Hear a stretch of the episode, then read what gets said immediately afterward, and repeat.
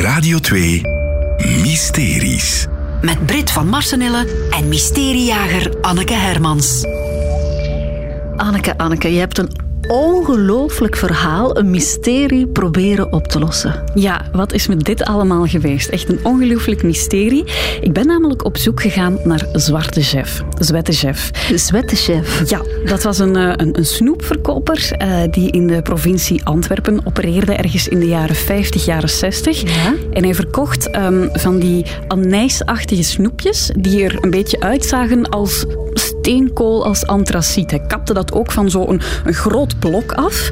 Um, en dat uh, verkocht hij dan in van die kleine witte puntzakjes. Ja? Um, hij werd gezien op verschillende plaatsen in de provincie Antwerpen. Ik heb een oproep gedaan naar onze luisteraars en er zijn verschillende verhalen binnengekomen. Um, hij was te zien op jaarmarkten, op markten, maar ook in, uh, in voetbalstadions bijvoorbeeld. Uh, bij Beerschot, Antwerpen, in, in Niel is hij ook gezien geweest.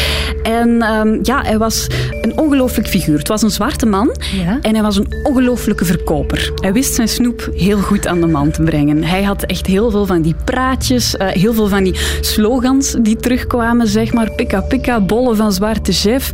Uh, goed tegen alles, tegen de verkoudheid, tegen de buiktyfus, tegen, uh, tegen de dikke tet was het blijkbaar ook allemaal heel goed, wist hij te vertellen. Tegen de wat? Tegen de dikke tet. De dikke tet? Ja, Absoluut. Ja, geen idee. Dat was toen een verkoopspraatje in het verkoop. Snoepjes. De snoepjes gingen als zoete broodjes de deur uit. Um, ja, een flamboyant figuur. Ja. Iemand. Het was een ongelooflijk figuur. Ja. Maar een heel mysterieus figuur. Want um, ik hoorde bijvoorbeeld ook een verhaal um, van een man, uh, Jos van Achter. die had vroeger een been, of zijn ouders hadden vroeger een beenhouwerij hier in het Antwerpse. Ja.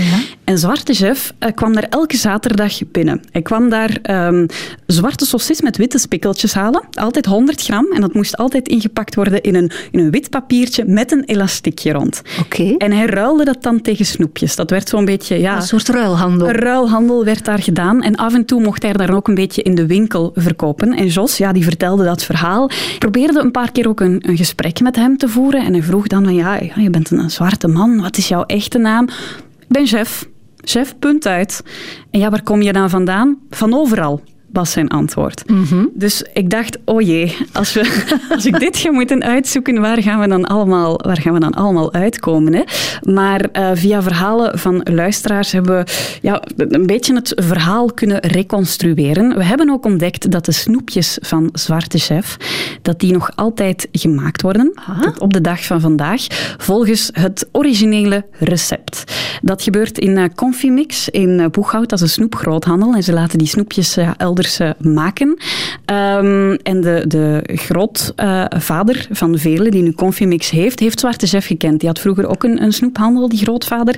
En die kwam Zwarte Chef af en toe al wel eens tegen. En zo zou hij het recept gekregen hebben. En je kan die snoepjes nog altijd kopen? Wel, het probleem is nu dat de machine waar de snoepjes door gemaakt worden, dat die nu stuk is. Al een jaar. En velen weten niet zo heel goed of dat ze die machine nog moet herstellen. Enerzijds omdat het ja, heel duur is. En anderzijds omdat ze het moeilijk vindt, de naam Zwarte Chef, met de, met de hele Zwarte Pieten-discussie, denkt ze soms van, moeten we dat dan nog wel verder doen? Maar de bollen, het recept, zijn er nog. Dus ik dacht, jij hebt het recept, Veerle. jij weet wie, het, wie Zwarte Chef is. Maar dat wist Veerle ook niet. Net hetzelfde als, uh, als Jos wist te vertellen, was Zwarte Chef van overal. En um, ja, liet hij het, liet hij het niet echt uh, opmerken uh, van waar hij kwam. Wat een zoektocht. Ja, het was een ongelooflijke zoektocht. En dan zijn we uiteindelijk terechtgekomen bij uh, John Tsatsiki. En uh, John heeft tien jaar geleden samen met een oud leerkracht van hem uh, onderzoek gedaan naar Zwarte Chef. Ah. Hij was die bolletjes tegengekomen, die snoepjes, in de snoepwinkel. En hij, ja, hij vond Zwarte Chef, dat, dat vond hij zo'n intrigerend figuur. En hij is daar dan maar naartoe gegaan en op zoektocht gegaan. En um, hij is uiteindelijk achter de naam gekomen van Zwarte Chef. De echte naam? De echte naam van Zwarte Chef. En die is? Frank Sam Moran. Dat is de echte naam van Zwarte Chef. Frank Sam Moran. Ja, inderdaad. Dat is een man uh, die zou geboren zijn ergens um, ja, op het einde van 1800. Uh, zou die geboren zijn in West-Indië, Sint Thomas in West-Indië. Nu de Maagdeneilanden zijn dat. Um, en hij zou een Deens paspoort gehad hebben, omdat dat destijds een, een Deense kolonie was. Zou hij daarvan in bezit geweest zijn. Hij zou hier in Antwerpen terechtgekomen zijn. Hoe? Dat is eigenlijk nog een heel groot vraagstuk. Maar hij zou hier ja, snoepverkoper um, geworden zijn. Hij heeft op verschillende plaatsen in Borgerhout gewoond. Ja. Uh, eentje daarvan zou in de Gravinstraat zijn. Um, dat, dat appartement, ja, ik ben daar langs geweest. Dat huis dat is nu helaas afgebroken. Daar is nu een, een hondenweide. Um, hij zou nog ergens anders in Borgerhout gewoond hebben, samen met een vrouw. Een uh, blanke vrouw die ze mevrouw of madame Paula noemden. En dat was een kaartlegster. En die had een glazen oog en een ooglapje. Um, dat spreekt ook geweldig tot de verbeelding. spreekt ongelooflijk tot de verbeelding, maar we kwamen er ook niet echt achter wie die mevrouw Paula nu precies is. En of Zwarte Chef dan wel dan niet kinderen ah, gehad ja? heeft. Dat wisten we uh, ook niet echt. Tot er een gouden tip binnenkwam van uh, een luisteraar van ons die zei: Ja, ik heb een collega en zij denkt dat ze de achterkleindochter van Zwarte Chef Ma. zou zijn. Dus ik dacht, oké, okay, die vrouw moet ik hebben. Haar naam is Sarah. Ja. Ik heb contact genomen met Sarah. Ik heb Sarah ook gesproken. Nu, zij heeft een beetje haar stamboom proberen te reconstrueren voor mij, want het was een ongelooflijke, ongelooflijke puzzel. Um, haar overgrootmoeder ja? zou destijds een affaire gehad hebben met Zwarte Chef, Oeh. terwijl haar man gaan varen was op zee. Dat is wat het verhaal gaat. Um, die affaire dat zou in een ja, liefdevolle relatie geëindigd zijn, waar drie kinderen zijn uit verder gekomen, waaronder de grootvader van Sarah. Nu, die man is helaas heel vroeg gestorven, um, toen de vader van Sarah nog heel jong was, nog maar een paar maanden oud. Dus daar zijn heel wat puzzelstukjes verloren gegaan. Ja. Um, en Sarah ja, wil ook heel graag weten, ze, ze is via de geschiedenisboeken van haar familie, is ze wel een paar dingetjes te weten gekomen en zou ze dus mogelijk van Frank Samoran, onze zwarte chef, afkomstig zijn.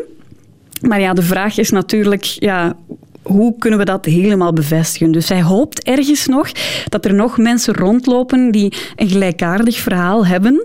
Ja. Um, en dat er dan eventueel een DNA-test in zit. Of dat er misschien mensen zijn die toch nog puzzelstukjes kunnen leggen. Die bijvoorbeeld ja, toch nog mensen gekend hebben. Of misschien zijn er nog afstammelingen. Dat kan misschien ook. Ja, inderdaad. Ja. Dat is de vraag. Hè. Maar dat is nog altijd een mysterie. Dat is nog een mysterie, ja. Dus dan is het te hopen, Anneke, dat uh, als mensen luisteren naar de podcast, het mysterie alsnog wordt opgelost. Ja, het zou fantastisch zijn. Oké, okay, laat ons hopen. Dankjewel, Anneke. Alsjeblieft. Meer mysteries? Volg alles in de Radio 2-app.